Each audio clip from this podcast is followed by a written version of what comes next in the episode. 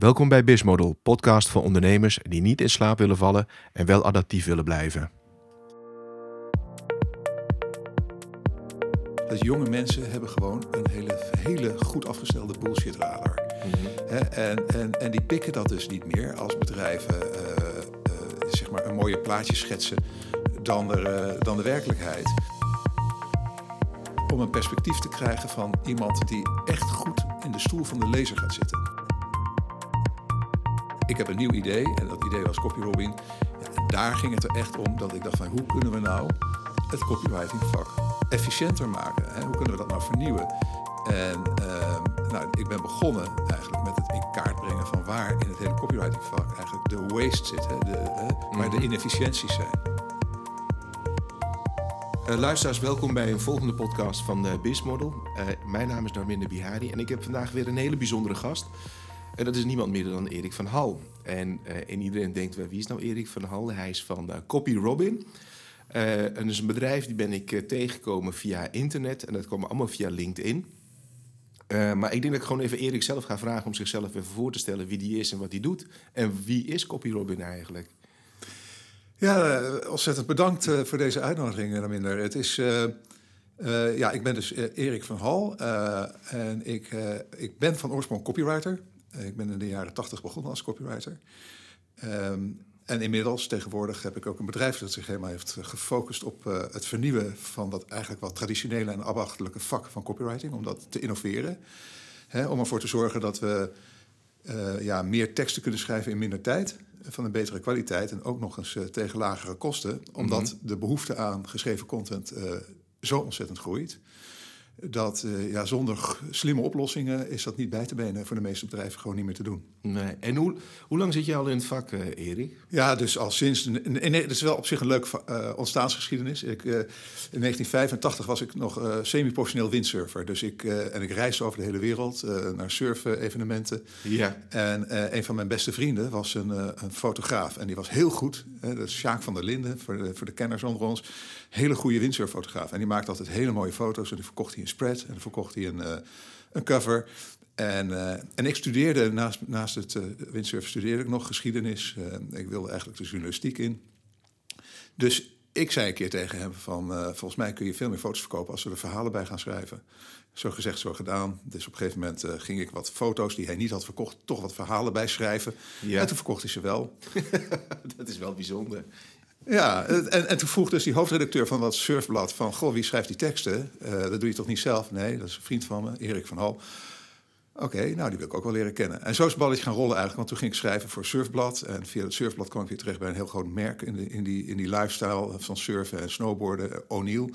En voor hen heb ik ontzettend veel gedaan. Schoolagenda's geschreven, uh, bladen gemaakt, videoproducties gedaan. En op een gegeven moment ging ik uh, voice-overs schrijven bij, uh, bij films. Dus het begon als schrijfwerk, maar dat vond ik zo leuk dat ik uiteindelijk een heel. Uiteindelijk escaleerde dat dat ik ook een aantal jaar een eigen videoproductiebedrijf gehad heb gehad. Maar je bent helemaal bij copywriter uiteindelijk gebleven. En daar... Nou ja, dat is altijd de basis geweest. Dus goede copy is de basis voor goede films, is de basis voor goede websites. Ik heb twintig jaar lang websites gebouwd daarna, van 1995 tot 2015, met mijn ja. vorige bedrijf. En daar merkte ik al dat bijna elke, bij bijna elke website de bottleneck de teksten waren. Ja. Dat was eigenlijk, hè, en op een gegeven moment was ik echt gewoon spuugzat om websites te bouwen uh, met fake lorem ipsum teksten. Ja. In plaats van echte content. En op een gegeven moment, nou, mijn eerste blog die ik publiceerde in 2013, onder andere e-mails en mijn eigen blog uh, destijds, had ook als titel uh, Dood aan Photoshop en lorem ipsum. Omdat ik wilde dat je websites met echte content ging maken. En en ook in de browser ging maken. Dus dood aan Photoshop, Photoshop, omdat ik niet wilde dat we websites ontwierpen in een statisch uh, platform, Photoshop. Ja. En dood aan lorem ipsum, omdat ik niet wilde dat we website bouwden met, uh, zonder echte content. Want ja, dat was altijd een drama. Dan had iemand een hele mooie website ontworpen op, zeg maar, als beeld. Maar op het moment dat er echte content in liep, dan viel die uit elkaar. Want echte gebruikers gingen langere titels verzinnen dan die vormgevers passend vonden. Dus, ja, dus de basis is altijd dat ik, dat ik, dat ik uh, ja, goede content, uh, een goede behandeling van de content, ja, zie ik als de basis. En dat, dat, dus dat is de rode draad. En kun je ook stellen dat uh, copywriting zo oud is als de Bijbel?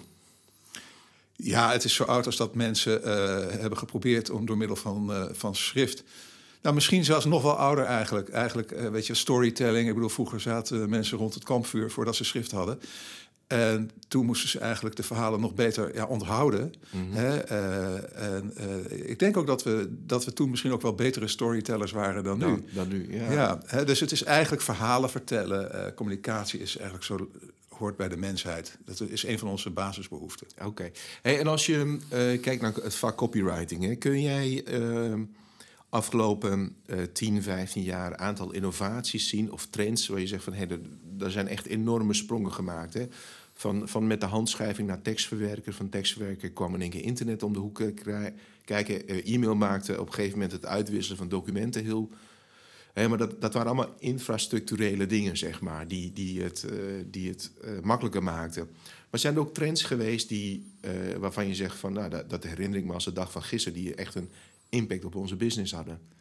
Nee, niet, niet echt een, een, een, een, een bliksemschicht die ineens alles verandert. Kijk, het is meer een geleidelijk proces. Wat, wat heel belangrijk is natuurlijk, is dat door de komst van internet, en dat speelt wel ietsje langer dan tien jaar, nou zeg de laatste twintig jaar, maar toch dat uh, de distributie van content ontzettend is gedemocratiseerd. Dat is natuurlijk een heel belangrijk uh, aspect, waardoor veel meer mensen in staat zijn om een groot publiek te bereiken. Vroeger was dat echt voorbehouden aan de grote uitgeverijen.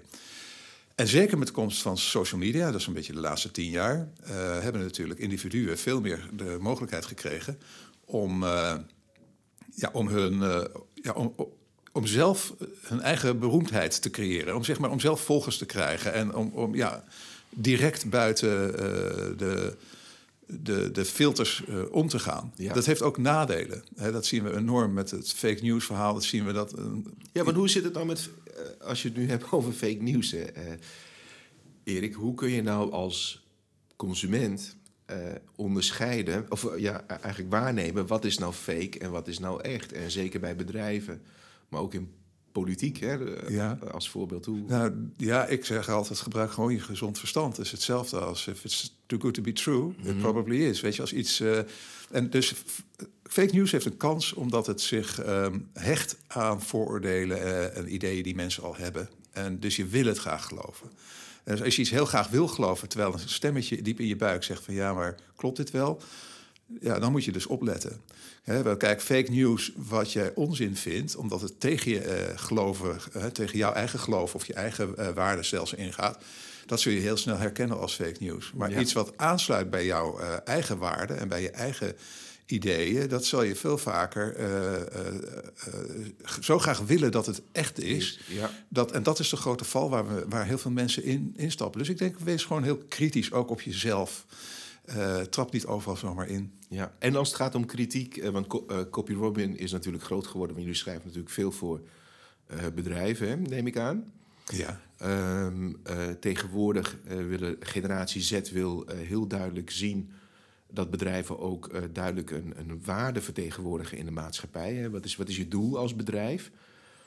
Um, en zij filteren natuurlijk nu heel erg. Uh, ja, wat, zien we op de website? Wat zien we op de social media van een bedrijf? En wat doet uh, de, de, de CEO of de directeur nou in het uh, echte leven? En hoe kunnen jullie daar nou als copywriters aan bijdragen? Nou, het is heel belangrijk dat als copywriters je gewoon realiseert dat zeker jonge mensen nu uh, en dat zien we ook weer uh, bijvoorbeeld in de Amerikaanse uh, verkiezingen die net zijn geweest, de midterms. Dat jonge mensen hebben gewoon een hele, hele goed afgestelde bullshit radar. Mm -hmm. en, en, en die pikken dat dus niet meer als bedrijven zeg maar een mooie plaatje schetsen dan, er, dan de werkelijkheid. En des te belangrijker is het voor bedrijven om heel erg transparant te zijn. Transparantie en vertrouwen, trust, dat zijn de belangrijkste valuta voor bedrijven. maar, en, maar organisaties überhaupt, ook, ook overheden, voor de, ja, voor de toekomst. Uh, omdat mensen die zeg maar echt helemaal ja, digital native zijn, dus jonge mensen die, uh, die, die, die, die razend goed, die precies weten hoe ze alles moeten opzoeken uh, op internet, ja, die kun je eigenlijk niet zoveel meer wijsmaken. Dus als je probeert die mensen te foppen, dan, ja, dan haal je eigenlijk, uh, uh, dan roep je over je af dat, dat, ze, dat ze door je bullshit, om het zo maar te zeggen, heen prikken. En dat is echt heel schadelijk. En dan gaan ze je afstraffen. Ja, meedogenloos. Ja. Ook, ook, dat nog eens. Heel, uh, dus, nee, en daarom is het vanuit het copywriting perspectief zo belangrijk. vaak voor veel bedrijven en ja, om dat ook niet zelf te doen, eigenlijk, hè, om dat uit te besteden, om een perspectief te krijgen van iemand die echt goed in de stoel van de lezer gaat zitten. Want dat zien we toch wel heel vaak als bedrijven die, uh, die, die zelf teksten schrijven. Vaak hebben ze misschien nog wel de vaardigheden in huis om goed te schrijven, uh, technisch gesproken. Maar we hebben een soort bedrijfsblindheid. Ja. Waardoor we eigenlijk altijd maar een beetje van binnen naar buiten communiceren. Het is ook heel moeilijk om dat niet te doen. Ik merk het ook voor mezelf. Ik vind het zelf ook veel moeilijker, eerlijk gezegd, om teksten voor mezelf te schrijven dan om teksten voor een ander te schrijven. Omdat ik gewoon rigoureuzer kan zijn uh, in het, zeg maar uh, filteren van, van, van hype en, en, en, en onzin en, en, en, en op borstklopperij van een ander dan van jezelf. Want van jezelf heb je soms niet echt door. En, uh, en daar hebben eigenlijk alle, alle mensen wel last van.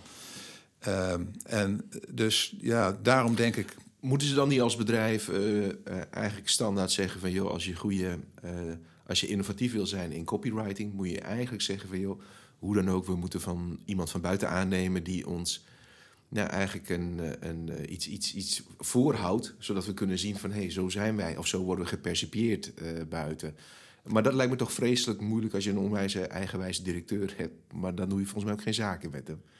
Nou, kijk, kijk, wij kunnen prima zaken doen met eigenwijze directeuren. Op zich is dat geen enkel probleem. Want Kijk, copywriting is, is wel. Is, uh, kijk, we hebben het over mijn visie uh, op copywriting.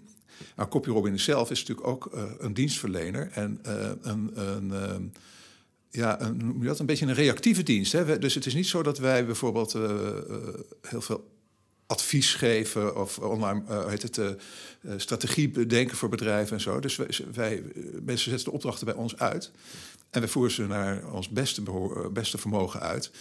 Dus ook een klant van ons die, uh, ja, die, die zeg maar toch borst, borstklopperige artikelen wil, die, die zal die uiteindelijk van ons wel krijgen. Want dat, dat gaat hij dan zelf zo vormen. Want hij geeft feedback op wat wij schrijven. Ja. Kijk, onze schrijvers voeden we wel een beetje op dat ze dat niet doen. Maar uiteindelijk, als de klant per se toch het anders wil, ja, uiteindelijk gaan wij er dan vanuit dat zij hun klanten het beste kennen en dat ze zichzelf het beste kennen. Dus dan gaan we de, wij zitten dus niet, uh, we zijn niet heel bedweterig wat dat betreft. Ik zelf wel, maar als bedrijf zijn we dat niet. Dus daar uh, maken jullie wel een heel duidelijk onderscheid in van dit is onze identiteit. Hier gaan we voor. Uh, alleen ja, je hebt ook gewoon te maken met klanten die, die, die iets willen hebben waarvan jullie zeggen van nou is het nou echt handig. Maar goed, als je het wilt, even goede vrienden.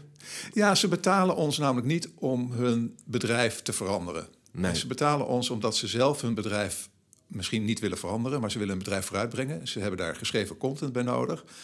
En daar schakelen ze ons voor in.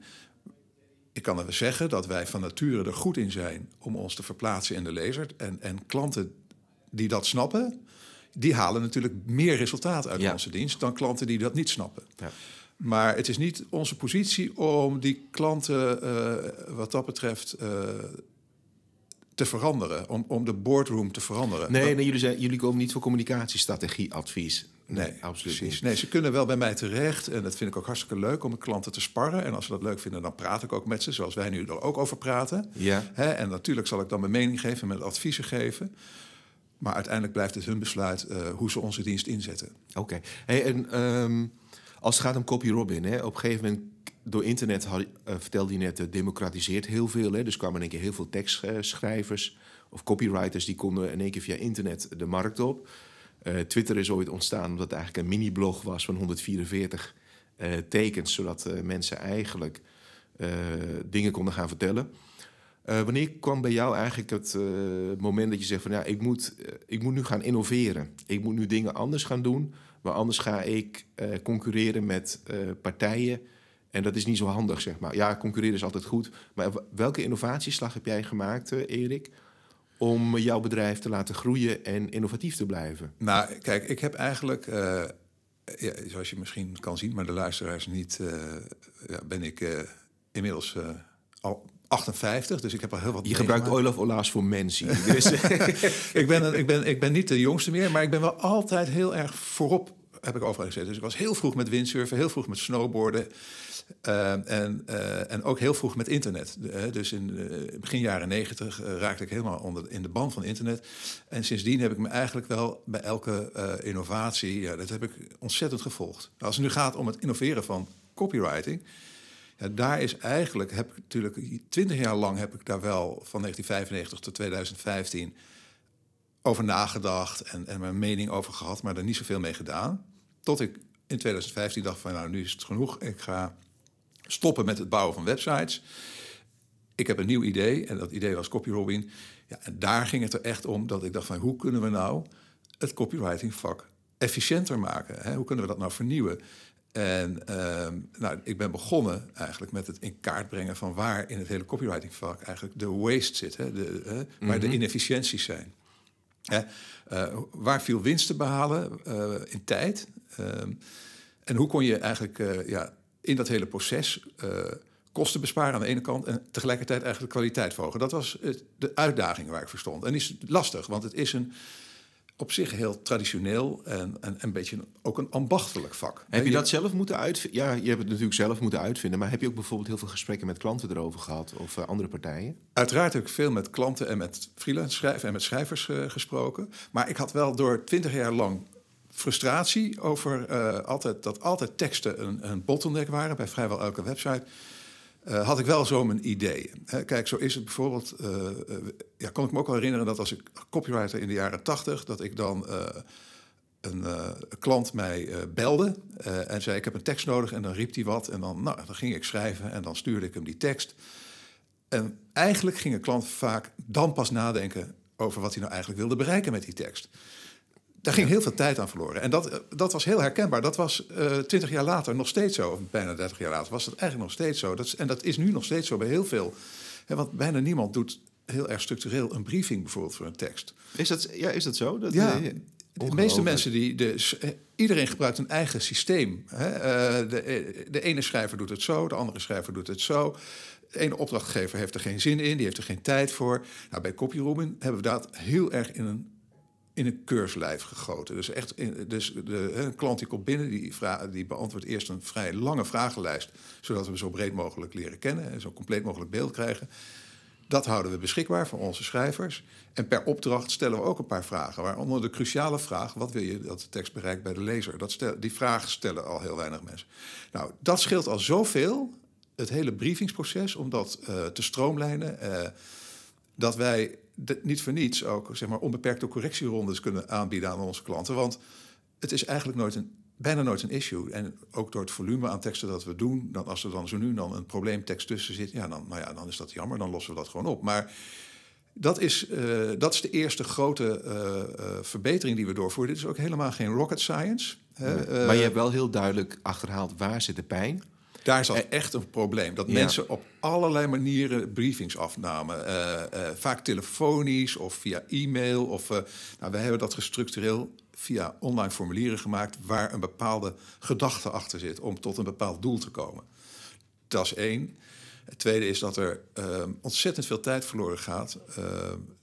eh, binnen de hele correspondentie. Dus zeg maar overleggen, bellen, eh, eh, e-mailen. eh, van, eh, en, en uiteindelijk vaak het, het zoeken in een inbox naar een Word-bestand. Dat, sommige mensen zijn daar al een kwartier aan kwijt. Heel herkenbaar. Hè? Dus dan van ja, ik bedoel, het is zo herkenbaar. Je, hebt- je, hebt, je hebt een opdracht gegeven om een tekst te laten schrijven als, als opdrachtgever.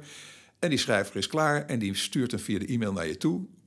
Je ziet hem binnenkomen, maar op dat moment ben je heel druk met duizend en andere dingen. En een week later bedenk je ineens: oh ja, ik had die mail nog, ik had die, die tekst binnen.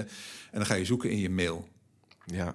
En eh, als, nou, sommige mensen hebben misschien wel meer dan duizend eh, eh, mails in hun inbox. Ja, ze zoeken zich gek. Want zo, ja, wat was ook alweer de titel? Wat, welke zoekwoorden moet ik gebruiken? Nou, in ieder geval, dat is denk ik voor heel veel mensen herkenbaar. De, als luisteraars nu, eh, gebruik Outlook of je mailprogramma niet als archief. Want dat, dat, is, dat is echt super slecht. Precies. Dat, Ja. ja. ik, ik heb, ik heb eh, Getting Things Done eh, van David Allen dat zou ik als advies gelezen, willen ja. geven. Ja. Ik gebruik zelf, omdat ik een Mac-gebruiker ben, OmniFocus... om, dat, eh, om, om de taken goed... eh, om mijn hoofd leeg te houden, zodat, het, zodat ik het voor ding- slimmere dingen kan gebruiken dan het onthouden van allemaal kleine Ja, ik heb zelf daarvoor Meistertask. Hè? Meistertask werkt ook prima om alle taken online te, ja, te bewaren en dan via een systeem. ja, dus dat als, even als zijweg. Maar goed, dat, dat, dat, die pijn die lossen we dus op doordat, doordat elke tekst een unieke code krijgt waarop je, ja, die staat in je dashboard en dan kun je heel makkelijk zoeken. Dus ook gaat heel veel correspondentie via e-mail. Er zit altijd zit die code erin, dus je zoekt op die code in je, in je inbox. En dan heb je alle correspondentie rondom die tekst heb je binnen, ja, binnen no time uh, uh, tevoorschijn. Uh, verder werken we met, met ja, eigenlijk is het zo dat, dat, dat, dat, dat we het platform wat we hebben ontwikkeld, de samenwerking tussen opdrachtgevers en, en freelancers, uh, stroomlijnt. Uh, het maakt het gewoon veel, veel efficiënter door geautomatiseerde processen. En ook door de begeleiding van de professionele redactie, die alles een beetje bijhoudt. Oké, okay. ben, ben, je niet, Erik, ben je niet bang dat uh, AI, hè, want dat is bij, in al mijn podcasts hebben we het altijd over artificial intelligence. Hè? en de meeste mensen zeggen, you ain't seen nothing yet. Hè, dat er gewoon echt heel veel gaat gebeuren. Ja. nou zijn er natuurlijk al technologieën eh, die op evenementen en beurzen worden getoond, waarbij ze uh, audio van iemand kunnen opnemen en het systeem kan al vrij nauwkeurig iemands stem uh, nadoen. maar er zijn natuurlijk al systemen die geautomatiseerd wedstrijd uitslagen uitschrijven voor, voor kranten in Amerika. Ja. Ehm, in hoeverre gaat het jouw vak of copywriting-vak bedreigen? Waar zie jij bedreigingen en waar zie je kansen? Nou, het is, het is, ik zie het wat dat betreft, uh, is het vergelijkbaar met uh, uh, GPS-navigatie. Het is gewoon een tool die het makkelijker maakt, die tijd bespaart. en, en, en CopyRobin is denk ik ook eigenlijk ja, gemaakt voor, voor robotteksten, zoals Uber gemaakt is voor de zelfrijdende auto. ik, ik zie, ik zie AI niet zozeer ehm, mensen op de korte termijn schrijvers, copywriters vervangen. Dat, dat, dat zie ik eigenlijk niet. Uh, want zeg maar, menselijke emotie uh, uitdrukken, dat is voor een robot tech, robo, ja, dat is voor robots gewoon erg moeilijk. Uh, ze kunt faken, maar ik heb het net al eerder over die bullshit radar gehad, waar we allemaal zo goed in zijn. Die, die triggert gelijk af op het moment dat, dat je, dat je, dat je zeg maar fake emotie, artificial emotion, ik zie dat nog niet gebeuren. Maar Kijk, wat ik me wel heel goed kan voorstellen is dat wij gebruiken natuurlijk online formulieren. Uh, we, verzamelen heel veel data over onze klanten en over onze schrijvers. Uh, dat kunnen we allemaal algoritmisch gebruiken. Ik kan me heel goed voorstellen dat over een paar jaar dat een klant bij, bij CopyRobin een opdracht inschiet en dat dan in de achtergrond de robotjes al een draft schrijven. Hè, een, een, een, een tekst van, laten we zeggen, als de opdracht is om een tekst te schrijven van 1200 woorden. Nou, dan is daar op een gegeven moment iets van 1300 woorden aan een soort schetsmatige tekst die al heel aardig is geschreven. Alle, alle online research is al gedaan. En dan hebben we een eindredacteur. En die maakt daar in een half uur gewoon een lekker verhaal van. Dat goed loopt. En, ja, dat het voorwerk al door AI gedaan kan worden. Voorwerk. Dus ik zie eerder dat AI gewoon voor ons een. Uh, ja, ja, Dus dat in plaats van dat je drie uur bezig bent of vijf uur met een bepaald artikel. dat je daar met uh, 30 minuten, 45 minuten een net zo goed artikel. misschien zelfs wel een beter artikel schrijft. Oké. En Um, nou, zover zijn we nog niet. Nee. Uh, het komt wel heel di snel dichtbij. Hè? Want, uh, ik denk ja. dat, onze vak, of dat je vak over vijf jaar weer anders uitziet. Maar ik heb geen. Uh, ik twijfel niet aan jouw intenties dat je altijd ervoor zal zorgen dat je erbij blijft en bent. Zeker. ja.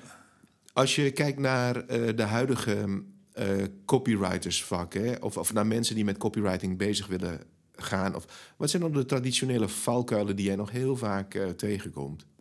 Mensen die um, van het copywriting willen gaan ja, leven. Aan de, ja, ja aan, de, aan de copywriterskant, maar ook aan de kant van, uh, van bedrijven. Wat zijn nou typische valkuilen? Nou ja, aan beide kanten is de grootste valkuil... en het begint natuurlijk ook een beetje uh, gehad... is om, om, om, om je te weinig te verplaatsen in een ander. Ja. Kijk, uh, schrijven is eigenlijk... Ja, je doet het voor iemand, voor een lezer. Je, voor, je hebt eigenlijk altijd... Als schrijver heb je twee opdrachtgevers de klant die je betaalt en de lezer die, die je namens je klant moet beïnvloeden. En dat is niet altijd met elkaar in balans. Daar hadden we het in het begin al even over. En uh, de opdracht voor een goede copywriter is om, om, uh, ja, om, om, op de, om in het belang van zijn opdrachtgever zoveel mogelijk in de stoel van de lezer te gaan zitten. En dus om, om, om, om de opdrachtgever te laten zien dat het veel beter werkt.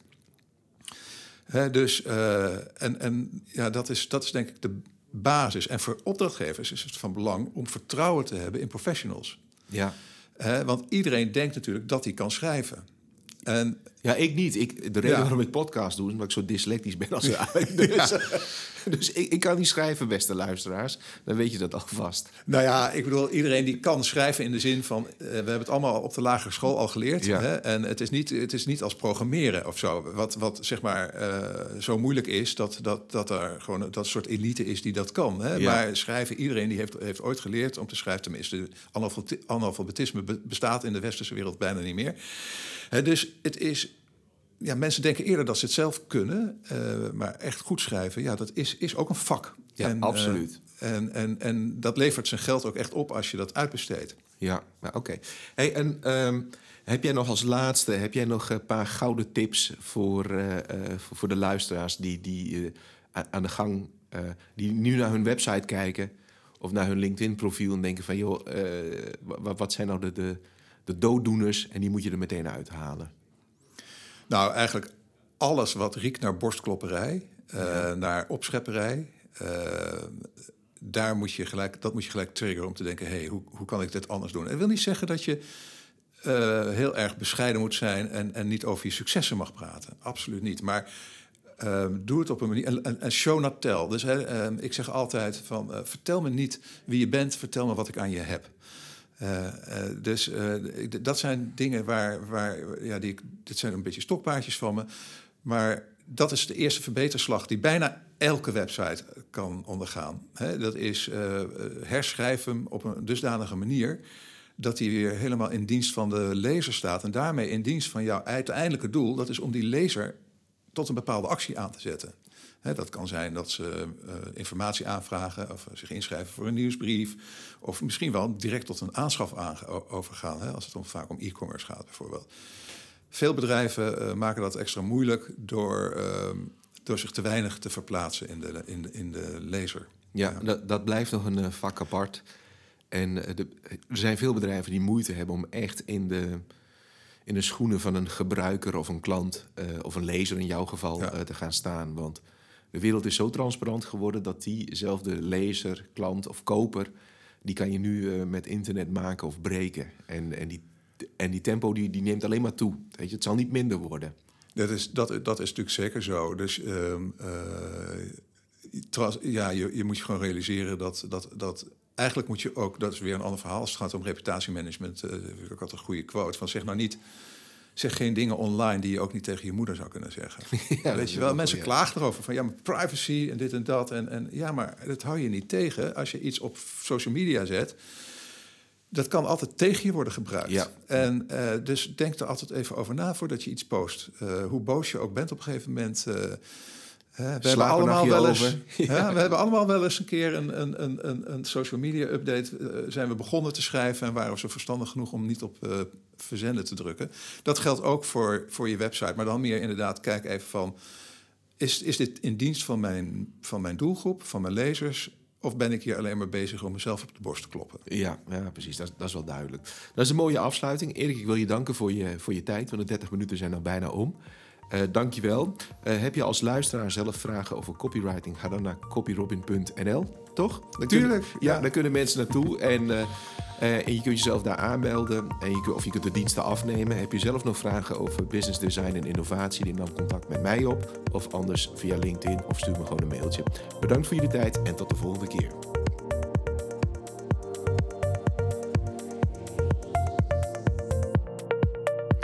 Dank je voor het luisteren. Ik hoop dat je er wat aan hebt gehad. En maar er volgen gelukkig nog meer podcasts. Dus blijf luisteren.